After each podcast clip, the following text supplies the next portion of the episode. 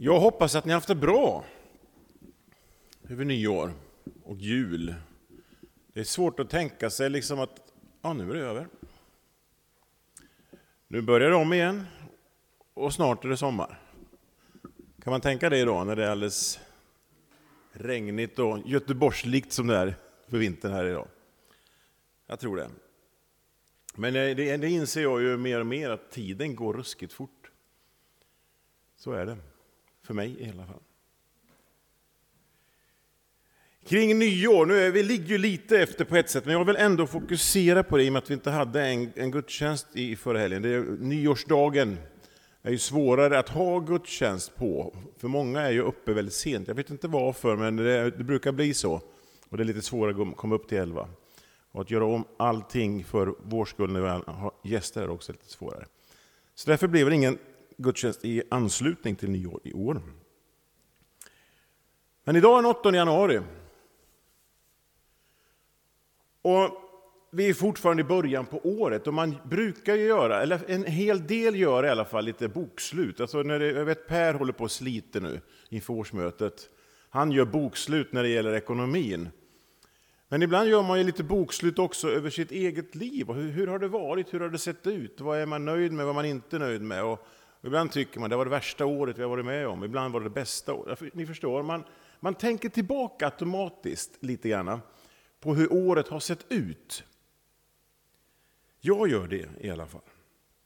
Man utvärderar och tänker framåt och försöker kanske, ja men det här skulle jag vilja förändra. Men ni vet det här med nyårslöften. Jag vet inte om man ger nyårslöften. Det känns som att det blir mindre och mindre sånt ju äldre man blir. Ja. Men i vilket fall, jag tror att man behöver ibland avslut och nystart.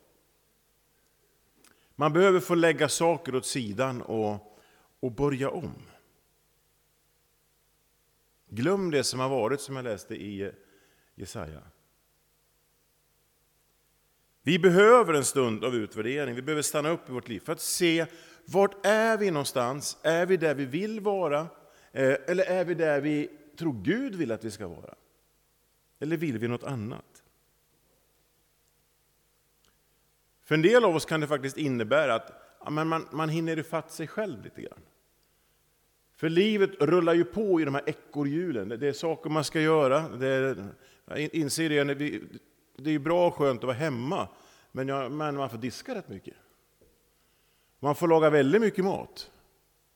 Det tar aldrig slut. Vad skönt det är när det går igång i det vanliga, när skolan är igång och så vidare.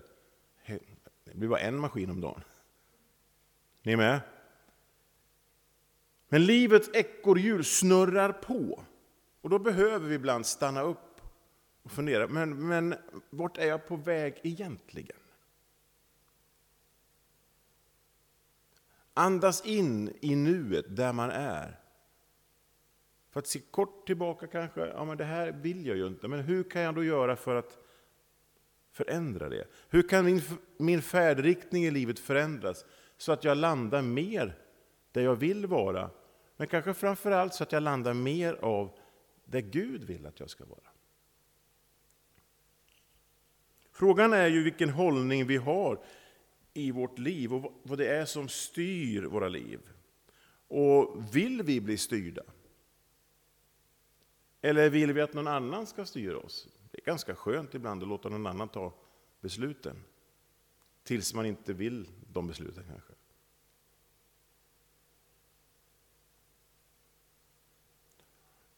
Om vi har inledningen i, i predikan då, så har vi den här bibeltexten jag läste.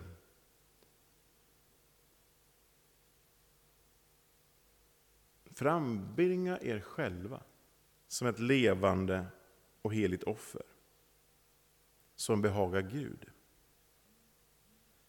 Kan det vara en, en riktningsbärare för mig i mitt liv? Och vad innebär det i så fall? Om vi vill då att Bibeln ska vara med och leda oss, och om man läser in Gamla och Nya Testamentet och tänker just levande och heligt offer, då blir det lite märkligt för oss. Offer handlar om att ge något till Gud. Ofta handlar det om att offra ett djur av stort värde till Gud. Det handlar om att ge det bästa man hade. Hur gick detta till?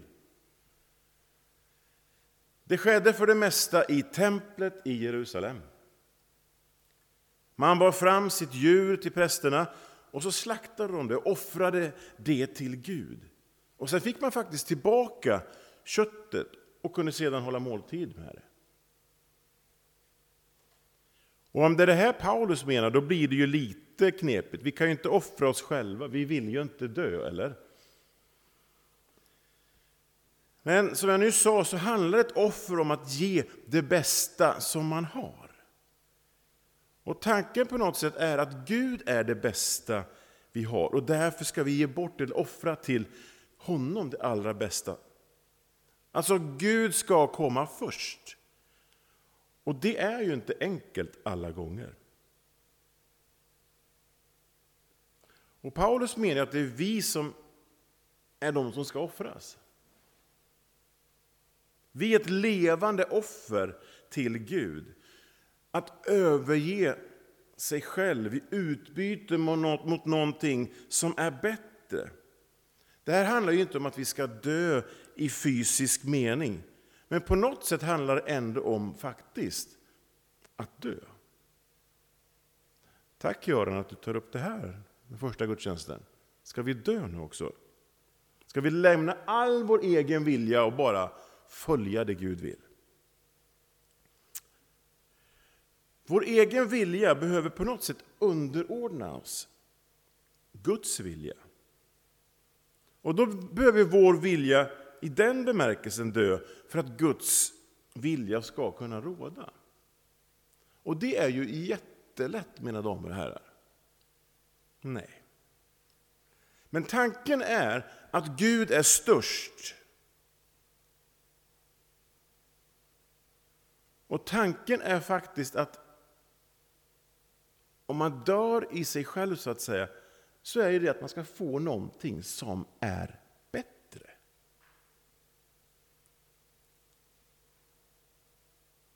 Jag vet att jag har nämnt det här exemplet tidigare, men jag, jag gör det igen.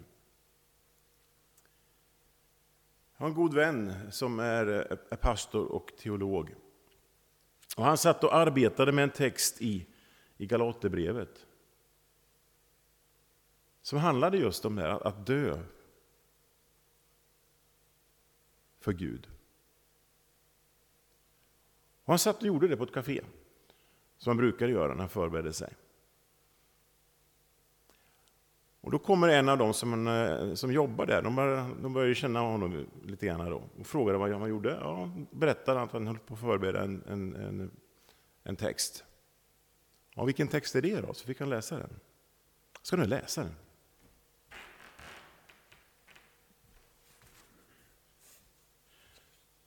Galaterbrevet läste han. Kapitel 2, vers 20.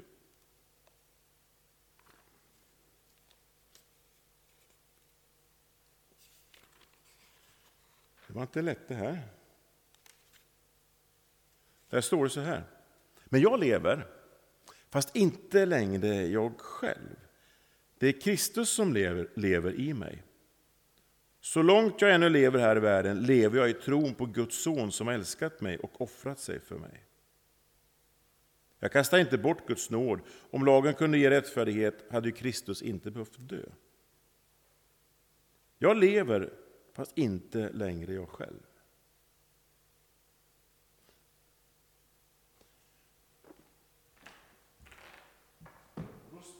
Då, ställer, då ställer den här kvinnan vid kaféet frågan liksom, så du, du är död då alltså? Och han blev lite förvånad. Eh, Oj. Och började tänka, ja, ja, ja men det är vi på ett sätt. Då. Och då säger hon så här, vad skönt. Då har du ingenting att vara rädd för. Det är en liten lärdom, tycker jag. Det är, det är som att när man är död så är man som mest levande i det här verkelsen. Alltså, Gud får mer utrymme i vårt liv Och vi behöver inte vara rädda, för ingenting rår egentligen på oss. För vi är Guds hand. Och det är inte bara idag, utan det är för evigt. Ändå är det en oerhört stor utmaning för oss. Vi vill bestämma själva. Vi vill vara kungar och drottningar över vårt eget liv. Det är fullt mänskligt, så, sådana är vi. Ingen ska säga till mig vad jag ska göra. Det är bättre att man får komma på det själv. Även fast någon annan kanske har bra idéer. Så. Så att offra sig själv handlar om att på ett sätt faktiskt börja om på nytt, där vi är i ett nyår. Igen och igen. Och egentligen är det ju inte bara ett nyår, utan det är egentligen varje dag överlämna sig i Guds hand. Vila i honom. Ibland brukar man säga så här, att man börjar skriva ett nytt kapitel i sin bok. Känner ni till det uttrycket? Eller ett nytt kapitel i sitt liv. Men egentligen, när man blir kristen så skriver man inte ett nytt kapitel, man börjar på en ny bok. Det är en ny bok som bör skrivas, Livet med Gud. Det är ungefär som den heter, som, vi kan säga att Emil har gett namn åt den, Du och jag, Gud. Ett nytt fokus. Något nytt kommer in. Och så börjar Jesus förvandla oss från insidan. Och livet börjar på ett sätt om.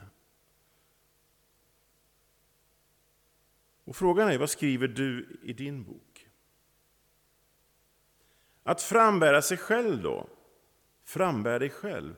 Vad är det? Ja, men det handlar ju om en, en viljehandling. Vi bestämmer själva om vi ska göra eller inte. Där har vi vår fria vilja. Gud kör inte över vår vilja.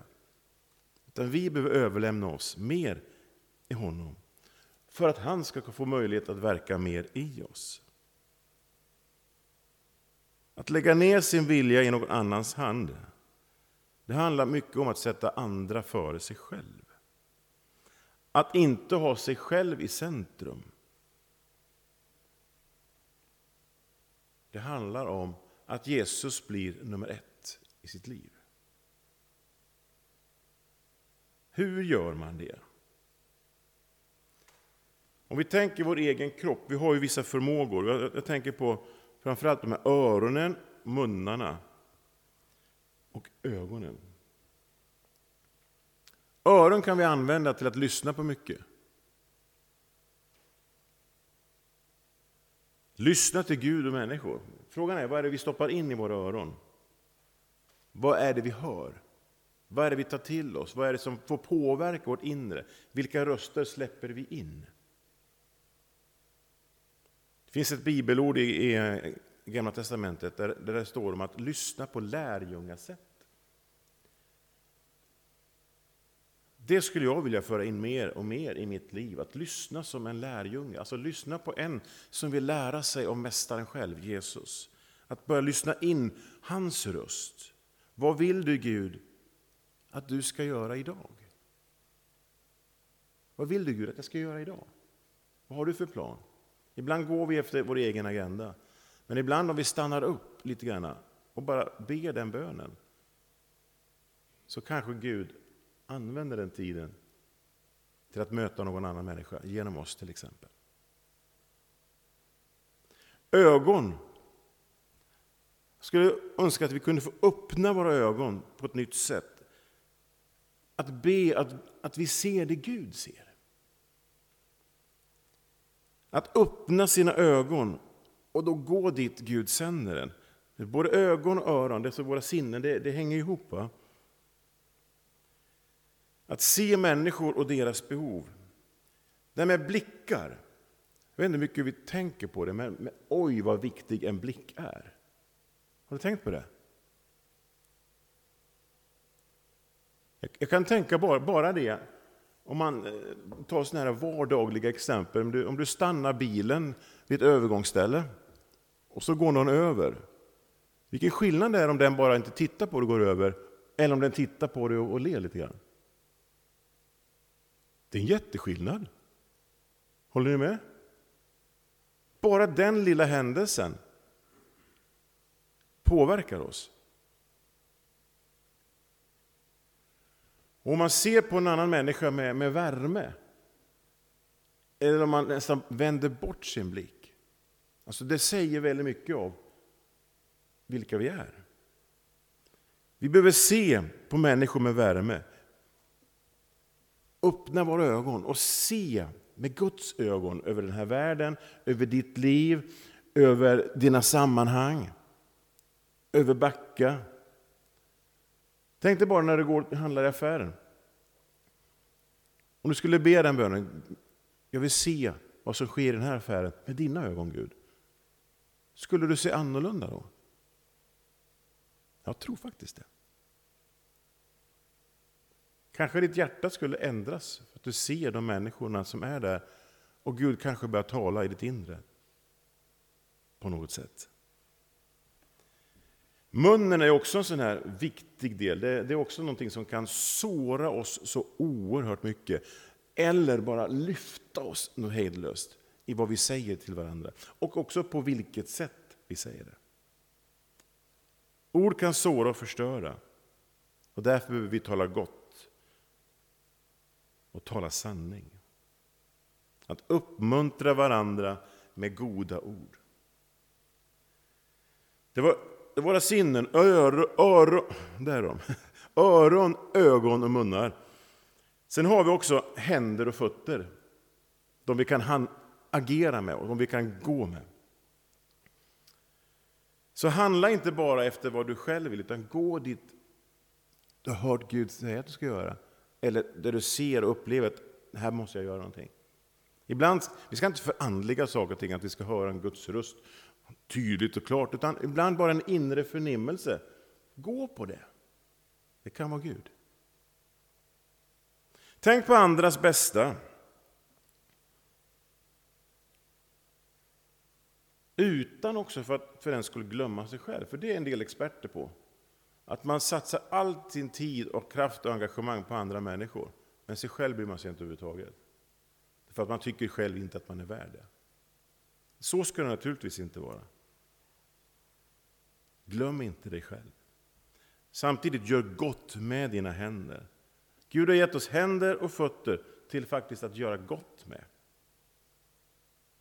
Med våra händer kan vi göra saker. Det kanske inte sker så ofta här i Göteborg att vi behöver hjälpa någon att skotta snö.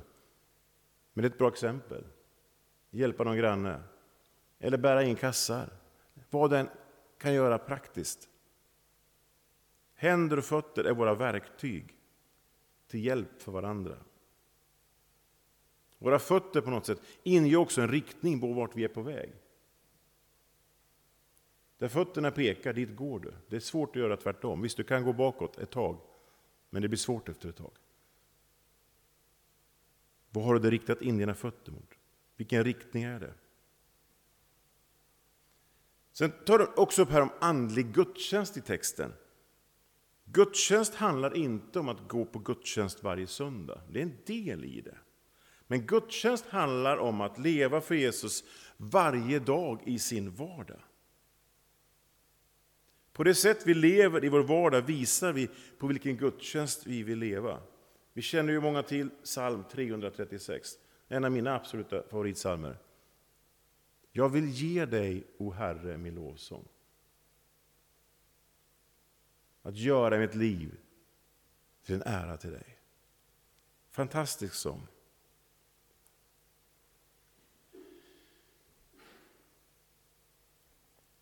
Och det här med gudstjänst är ju viktigt. Vi, vi, behöver gå på gudstjänst. Det gör någonting med oss. Vi ärar och tillber Gud, men vi gör det tillsammans och vi får en samhörighet. Men sen tror jag också att vi behöver tänka till. Ibland går man på gudstjänst, kanske för att ja, men man brukar göra det. Men jag tror vi behöver ta med oss gudstjänsten hem, så att den blir vår vardagliga gudstjänst. Alltså att låta gudstjänsten få påverka mitt liv och min vardag. Att påverka mitt sätt. Vilken Gud är jag tror på? Ja, men det är den jag har hört om i dagens gudstjänst. Så att ge sin vilja till Gud, vi sammanfattar lite grann av de här bitarna, det är att det är det viktigaste vi kan göra. Och om det stämmer att Gud finns, vilket jag verkligen tror, så vill han ditt och mitt bästa. Så då är det ju faktiskt ingen fara att överlämna sig i Guds hand. För det blir till vårt bästa. Men det är väl svårt för oss ändå. För ibland har man ju de här skräckexemplen som man ibland tar upp. Ehm, om jag säger det så kommer Gud skicka mig till Indien där alla farliga ormar är. Jag vill inte det. Gud är ju smart också. Han vet ju vad han lagt i för gåvor och talanger i oss. Så jag tror inte att jag hamnar i Indien. Jag kan sträcka mig till att gå till universium och titta på ormar. Men Gud vill vårt bästa.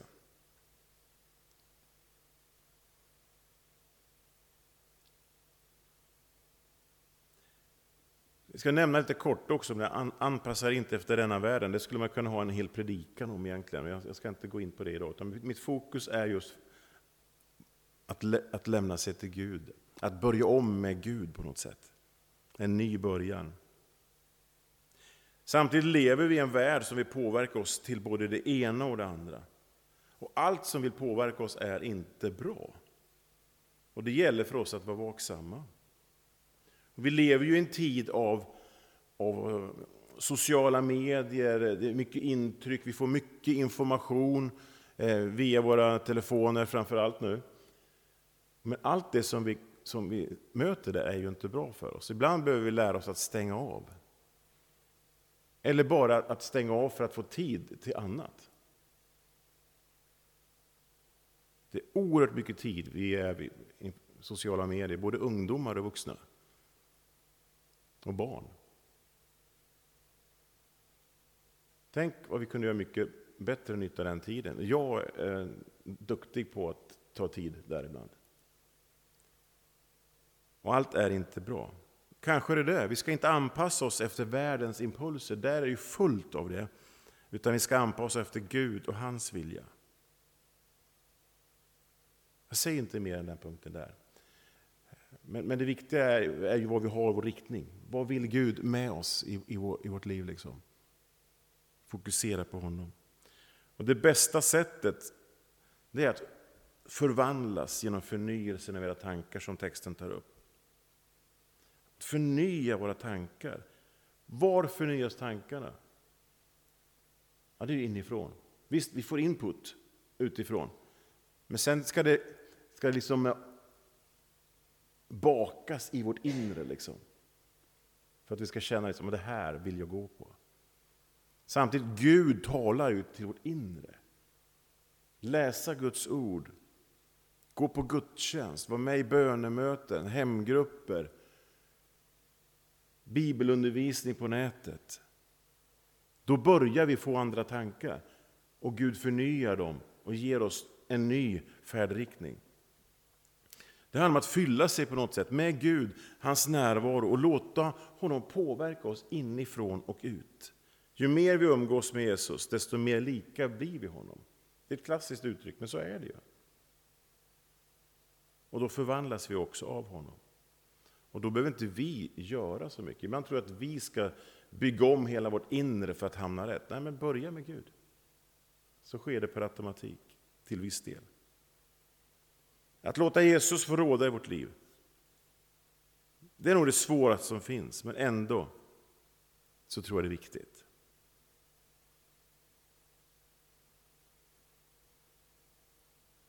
Tänk dig att få vara i Guds närhet och förvandlas i hans närhet. Det är ju det bästa vi kan vara med om. Att vi blir omfamnade av Gud. Det ljuvligaste man kan vara med om. För i Jesu famn, där får vi vila ut. Kom till mig alla ni som är tyngda av bördor.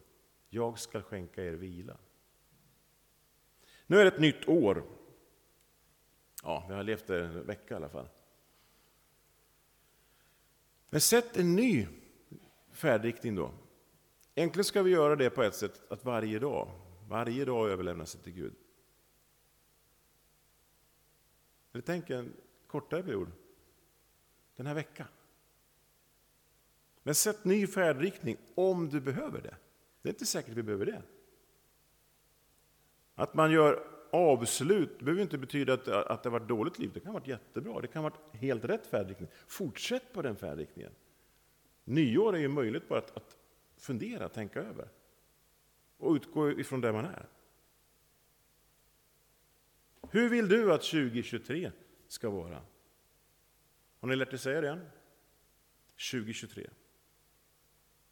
Min bön är att mitt liv ska få vara ett nytt år med Jesus där han får påverka mitt liv mer. Jag vill att mitt liv med Jesus ska bli bättre 2023 än 2022. För att jag vill ha en mer fördjupad relation med honom. Med honom som har gjort allting för mig.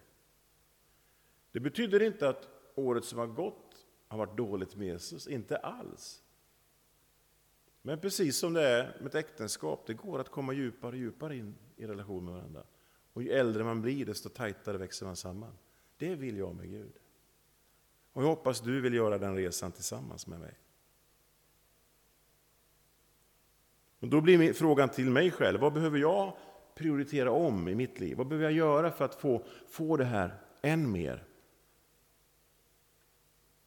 En sak skulle jag kunna säga direkt till mig själv bara, som ett exempel. Ja, jag skulle behöva läsa mer kristen litteratur, teologisk litteratur. Det skulle fördjupa mitt liv, mitt liv mer. För någon annan kanske är något annat. Jag tänker inte säga vad det är, utan det får du fundera på. Men fundera på, om du behöver det, är det någonting du behöver göra om så att säga? Gör de förändringar du behöver för att Jesus ska få mer utrymme i ditt liv.